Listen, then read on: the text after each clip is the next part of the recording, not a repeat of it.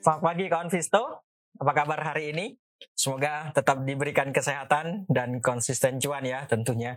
Baik, kita jumpa lagi di pagi ini tanggal 4 April di awal pekan.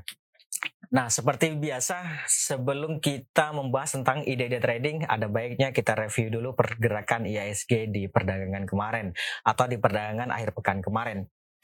Ya, di perdagangan kemarin indeksnya mampu ditutup menguat berada di level 7078 atau ya 7078.7, 7079 kalau dibulatkan. Itu 7078 atau menguat sebanyak 7 poin. Ini menguat tipis sih memang. Kalau secara persentase ya menguatnya 0,1 persen. Nah, pergerakan indeks di awal memang dia sempat dibuka menguat cukup tajam atau tinggi, tetapi kemudian itu tidak bertahan lama, uh, hanya sebentar yang jelas. Kemudian mengalami tekanan jual sampai berada di teritori uh, negatif, gitu ya. Dan sepanjang per apa namanya sepanjang hari kemarin lebih banyak indeks itu berada di wilayah uh, negatif atau di teritori negatif. Memang sempat bergerak juga di sesi pertama ke teritori positif, hanya saja belum mampu untuk bertahan di level itu dan akhirnya kembali uh, berada di teritori negatif. Begitu juga dengan sesi kedua. Begitu sesi kedua dimulai, indeksnya kembali mengalami tekanan jual bahkan sampai cukup dalam gitu. Hanya saja memang detik-detik terakhir atau menjelang akhir menjelang penutupan indeksnya kemudian mampu bergerak uh, menguat atau berada di level 7079 ini, menguat 7 poin atau 0,1 persen ini gitu ya di akhir-akhir perdagangan. Jadi secara secara secara keseluruhan di perdagangan kemarin indeksnya berada pada kecenderungan uh, melemah terbatas gitu ya. Fluktuatif dan kecenderungan melemah terbatas. Kemudian saham-saham apa saja sih yang kemarin itu membawa indeks untuk uh, menguat? Yang pertama ada Bank BRI, kemudian ada Astra Internasional atau ICI, kemudian ada Adaro, ada TCPI, dan terakhir ada ICBP. Itu dia lima besar saham yang mampu membawa indeks uh, menguat di perdagangan akhir pekan kemarin. Kemudian lima besar saham yang menghambat laju penguatan indeks. Yang pertama ada Arto, kemudian ada Bank BCA, lalu ada Bukalapak, lalu ada Tower, dan terakhir ada Sido. Itu dia lima besar saham yang menghambat laju penguatan uh, indeks. Bagaimana dengan transaksi asing? Ya di perdagangan kemarin asing kembali mencatatkan net buy sebanyak 1,24 triliun. Ini banyak banget banyak banget. Itu secara keseluruhan kalau dirinci di perdagangan reguler sendiri asingnya mencatatkan net buy sebanyak 1,18 triliun sementara di perdagangan non reguler atau di perdagangan nego uh, asingnya mencatatkan net buy sebanyak 60,3 bio. Jadi secara keseluruhan mencatatkan net buy sebanyak 1,24 triliun. Banyak banget. Dari transaksi net buy asing itu saham-saham apa saja sih yang banyak dibeli oleh asing? Yang pertama ada Bank BRI, lalu ada Telkom, ada Telkom, kemudian ada Bank BNI atau BBNI, lalu ada SII dan terakhir ada Inco. Itu dia lima besar saham yang uh, banyak dibeli oleh asing. Sementara sebaliknya, lima besar saham yang banyak dijual oleh asing. Yang pertama ada Sido, kemudian ada ESA, Lalu ada ADMR, ADMR sekarang uh, banyak dijual oleh asing. Kemudian MDKA atau Merdeka Copper Gold. Lalu yang terakhir ada ITMG. Itu dia lima besar saham yang banyak dijual oleh asing. Bagaimana dengan outlook hari ini? ya, kalau melihat uh, apa namanya pergerakan indeks di perdagangan uh, kemarin, kan sebenarnya dia cenderung melemah dan juga uh, belum mampu untuk bergerak di atas 7000 100. Eh, Saya pikir ada ada peluang memang untuk kembali uji resistance level yang ada di 7100. Eh, Hanya saja tekanan jual yang lebih mendominasi di perdagangan kemarin saya pikir akan mencoba kembali untuk menghambat laju penguatan indeks. Sehingga diperkirakan hari ini akan kembali bergerak fluktuatif kurang lebih seperti akhir pekan kemarin gitu ya. Kecenderungannya masih melemah terbatas. Range pergerakannya antara 7000 masih 7000 sampai dengan 7000 100 di level-level itu. itu untuk ISG-nya. Kemudian ide trading. Yang pertama ada Adaro. Ya, saya pikir cukup menarik ini Adaro kemarin dia mampu di uh, tutup menguat boleh dipertimbangkan ini untuk trading buy. Trading kenapa? Karena memang uh, resistance level terdekatnya itu sudah mulai uh, apa namanya terbatas gitu ya. Jadi sekali lagi kalau trading buy berarti uh, potensial risknya itu lebih besar dibandingkan dengan potensial return. Ya boleh dipertimbangkan 2760 di level-level itu sampai dengan 2810 saya pikir boleh. Kalau dapat di harga di 2760 boleh dipertimbangkan take profitnya di 2880 atau di sini? Di atasnya ini cukup ideal 2960 uh, boleh dipertimbangkan take profit di situ. Nanti uh, stop lossnya kalau harga melemah sampai di bawah sini kawan. Di bawah 2660 boleh dipertimbangkan untuk stop loss. Kalau melihat ini bullish crossover yang atau setidaknya indikasi bullish crossover yang terjadi pada stokastik saya pikir masih ada peluang untuk uh, bergerak menguat. Gitu ya Oke, itu untuk uh, Adaro. Berikutnya ada lagi Crash. Oke, ini dia Crash.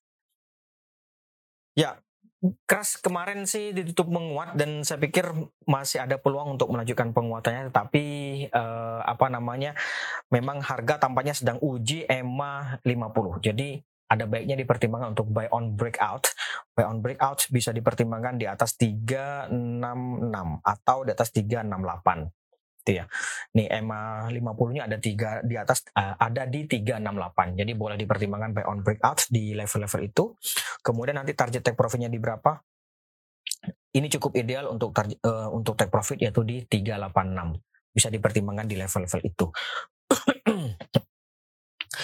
Terdekatnya memang ada di sini 7374 jadi buy on breakout misalnya dapat harga di 370 gitu saya pikir mending di sini sih target take profitnya.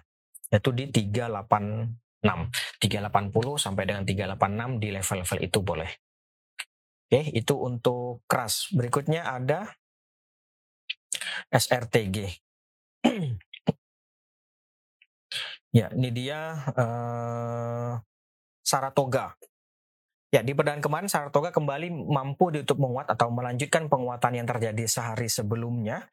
Dan saya pikir ini ada peluang untuk melanjutkan rebound.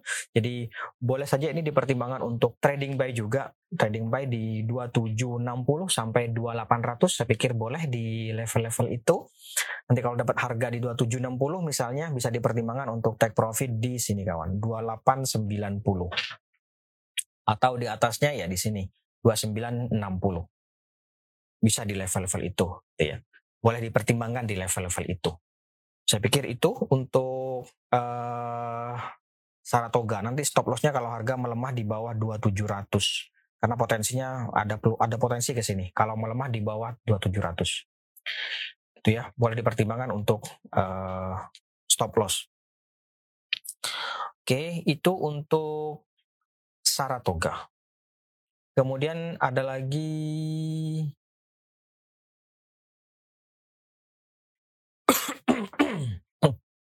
sebentar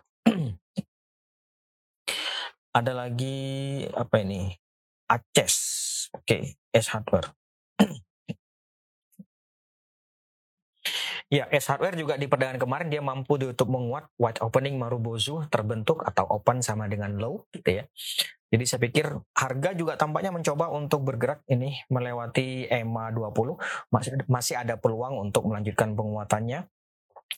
Tapi memang sudah mulai terbatas yaitu di 11.10 jadi bisa dipertimbangkan untuk trading buy saya pikir boleh bisa di 10.50 sampai 10.75. 10.50 sampai dengan 10.75 oke. Okay. Kalau dapat harga di 10.50 atau 10.60 misalnya uh, bisa dipertimbangkan untuk take profit di 11.10 di sini kawan. 11.10 ya atau di atasnya ya cukup ideal di sini 11.30 boleh di level-level itu. Nanti stop lossnya kalau harga ternyata melemah sampai di bawah 10.25. Bisa dipertimbangkan untuk uh, stop loss. Itu ya. Itu untuk S Hardware atau Asus, Aces. Kemudian ada lagi ADMR. Ya, ini dia ADMR. ADMR kemarin setelah mengalami penguatan sehari sebelumnya, dia tampaknya kemarin mengalami koreksi. Memang sempat bergerak menguat hanya saja kemudian uh, apa namanya mengalami tekanan jual dan saya pikir masih ada potensi untuk mengalami konsolidasi. Seperti biasa seperti ini begitu dia bergerak menguat dia mengalami konsolidasi dulu. Gitu ya. Jadi kalau menurut saya ini nggak ada salahnya untuk take profit terlebih dahulu nanti ikut lagi kalau harga menguat sampai di atas 2330 jadi misalnya kemarin sudah ikutan take profit dulu boleh kalau ternyata dia berbalik menguat sampai di atas 2330, buy back. Atau kalau mau bottom fishing ya di sini. 2120 ya 21 paling dekat sih sini sih. 2120 di level-level itu bottom fishingnya. Gitu ya. Nanti kalau ternyata uh, melewati 2120 ini ada potensi konsolidasi di sini nih kawan. Oke, yang jelas dengan pergerakan harga kemarin yang punya bisa dipertimbangkan untuk take profit dulu. Nanti kalau ternyata berbalik menguat lagi sampai di atas 2330 ikutan lagi. Tuh. Oke. Itu untuk ADMR. Berikutnya ada lagi Unilever. Ya, Ini dia Unilever ya. Hmm, ada potensi untuk kembali terkoreksi. Sebentar saya. Nih, ini bisa saja bisa saja throwback sampai ke sini. Ini berapa nih? 3550. Ya, jadi bagi yang sudah punya kemarin-kemarin misalnya bisa dipertimbangkan untuk uh, take profit terlebih dahulu nanti bottom fishingnya di sini 3550. Misalnya nih kita jual di harga katakanlah 3600 3650 misalnya. 3650 atau 3660 gitu. Kemarin kan closingnya 3620 nih, coba aja pasang 3650 gitu ya. Kalau laku terus kemudian harga terus turun, uh, boleh dipertimbangkan bottom fishing di 3550. Tapi kalau misalnya nih harga ternyata terus menguat sampai di atas 3740 bisa ikutan nanti uh, masuk lagi gitu ya. Bagi yang baru mau masuk, menurut saya ada baiknya dipertimbangkan untuk buy on breakout saja di atas 3740 gitu. Oke, karena kalau melihat ini, ini kan uh, apa namanya stokastiknya ada potensi untuk mengalami koreksi jangka pendek. Oke, itu untuk Unilever. Kemudian berikutnya ada Arto. Ya, ini dia Arto. Arto kemarin juga ditutup melemah dan saya pikir um, sampai dengan saat ini harga masih mencoba untuk bertahan di atas ini 13.975. Kalau ternyata harga gagal untuk bergerak uh, untuk bertahan di atas itu mending keluar dulu. Gitu ya, bagi yang sudah punya. Bagi yang baru memasuk kita lihat hari ini apakah dia mampu bertahan di atas 13.975 kalau bisa ya ikutan spekulatif buy boleh. Nanti target take profitnya di berapa? Kalau dapat harga di 14.000 lah katakanlah ya dapat harga di 14.000 saya pikir 14.500 14.650 bisa dipertimbangkan untuk take profit oke itu untuk Arto kita lanjut ada lagi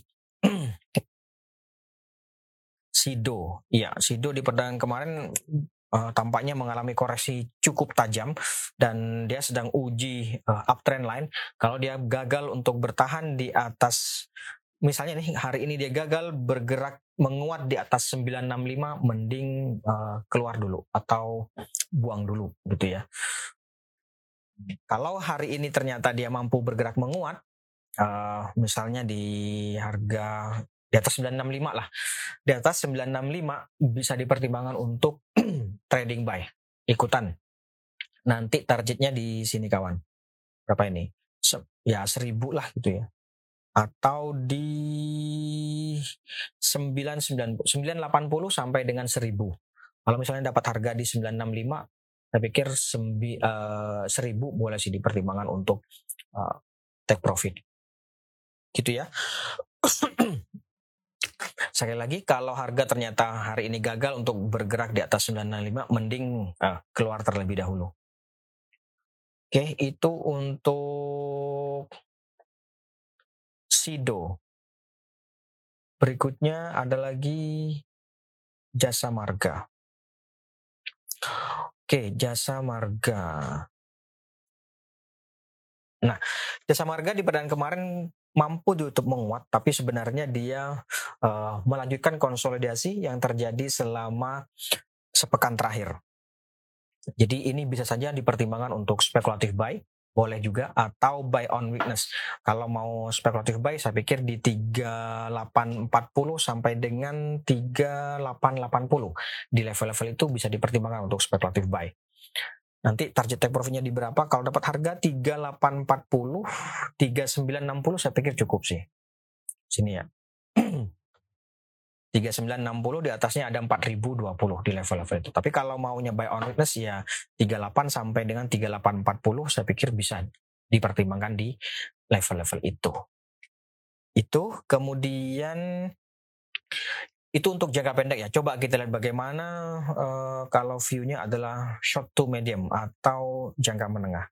Saya pikir jangka menengahnya masih menarik ini. Masih menarik. Jadi untuk jangka menengah ya bisa saja ini trading uh, speculative buy kurang lebih sama gitu ya. 3840 sampai dengan 3880 uh, di level-level itu.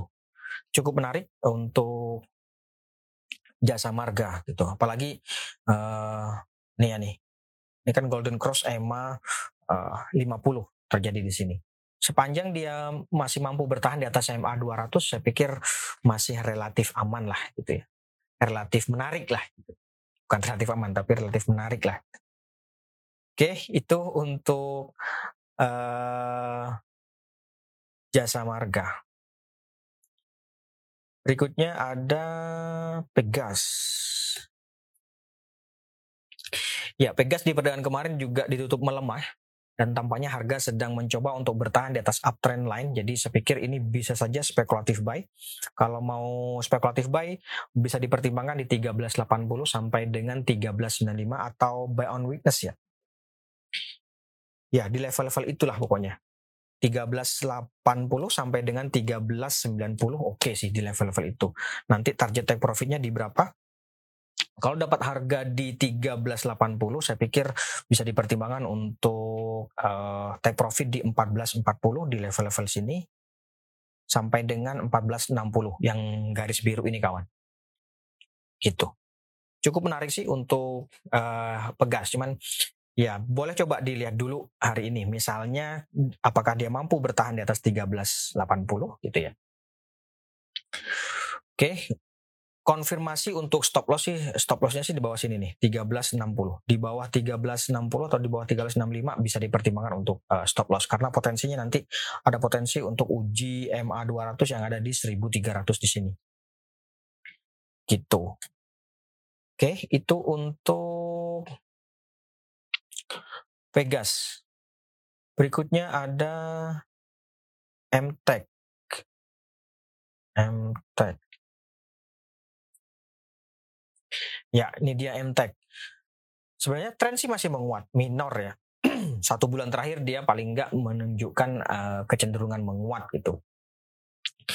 Nah, hanya saja kan kalau uh, lihat di sini, dia kan resisten levelnya ada di 2550 di sini. Jadi bisa saja ini boleh saja uh, apa namanya trading buy, boleh. Terdekatnya ada di 2480. Jadi ini resisten terdekat nih. Di atasnya ini. Atau gini, bisa juga buy on breakout di atas 2480 nanti target take profitnya di sini. Jadi kalau dapat harga di katakanlah di sini 2490 misalnya dapat harga di situ ya target take profitnya di sini 2550 gitu yang terdekatnya seperti itu jadi kalau misalnya kemarin-kemarin sudah ikutan lihat hari ini apakah dia mampu bergerak di atas 2480 kalau bisa bergerak di atas 2480, ada baiknya dipertimbangkan take profitnya di sini 2550. Tapi kalau enggak, mending boleh dipertimbangkan buang di sini. Karena sebenarnya ini resist cukup kuat juga nih. Nih, ke belakang-belakang kan uh, nih contohnya di sini nih, dia belum mampu untuk bergerak sampai di atas ini. 2480. Gitu ya untuk MTech. Berikutnya ada lagi Amar. Amar. Oke, ini dia Amar. Ya, Amar sampai dengan saat ini tiga hari terakhir dia mengalami konsolidasi sebenarnya, mencoba untuk kembali bergerak di atas 404, hanya saja belum mampu. Jadi idealnya menurut saya ini bisa saja dipertimbangkan untuk buy on breakout di atas 404 itu. Nanti kalau dapat harga di atas 404, take profitnya di berapa? 432 di sini kawan. Gitu ya. Tapi bagi yang baru mau masuk, uh, misalnya tipe saya lebih suka buy on weakness misalnya. Lebih suka buy low sell high. Kalau buy low sell high maka buy on weaknessnya di sini 370 sampai 378 di level-level situ. Itu yang terdekat. Nanti kalau dapat harga 370 atau dapat harga di 378 jualnya 400 atau 404 tadi. Gitu. Oke bagi yang sudah punya menurut saya kalau punya harga uh, kemarin-kemarin ikutan ya kita lihat hari ini 404 bisa nggak keluar bisa nggak bergerak di atas itu. Kalau bisa ya di hold saja boleh. Nanti target take profitnya 432 di sini. Itu oke itu untuk Amar. Yang jelas selama tiga hari terakhir dia mengalami konsolidasi uh, iya konsolidasi. Tapi kalau trennya minor trend sih dia masih up ya meskipun ada uh, apa namanya potensi ini kan membentuk uh, lower high. Tapi sejauh ini sih menurut saya sih masih oke okay lah. Gitu. Oke, okay. itu untuk Amar. Berikutnya ada lagi multipolar. Multipolar. Ya, multipolar kemarin tampaknya gagal untuk bertahan di atas EMA 50. Meskipun dia masih mencoba untuk bertahan di atas 232 ini, saya khawatir uh, apa jadi gini. Dia kan uji support nih 232 pas banget. Boleh nggak spekulatif buy? Sebenarnya sih dengan uh, uji support kan boleh ya spekulatif buy. Tapi kalau melihat indikasi-indikasi yang lain, contoh RSI-nya dia mulai bergerak meninggalkan wilayah overbought Kemudian stokastiknya juga cenderung melemah dan tampaknya harga juga belum mampu untuk bertahan di atas EMA 50. Jadi saya khawatir ini akan kembali mengalami koreksi jangka pendek. Bisa saja sampai uji level psikologis lagi 200 gitu misalnya. Jadi ada baiknya menurut saya bagi yang tertarik lihat hari ini apakah dia mampu bertahan di atas 232 ini. Kalau enggak mending buy on witness. Begitu juga yang yang punya kalau sudah punya kemarin-kemarin, misalnya dia gagal bertahan di 232 ini, mending buang deh. Mending jual dulu gitu ya. Jual dulu nanti bottom fishing di bawah sini. Di 214. Iya. 214 di level-level itu nantinya.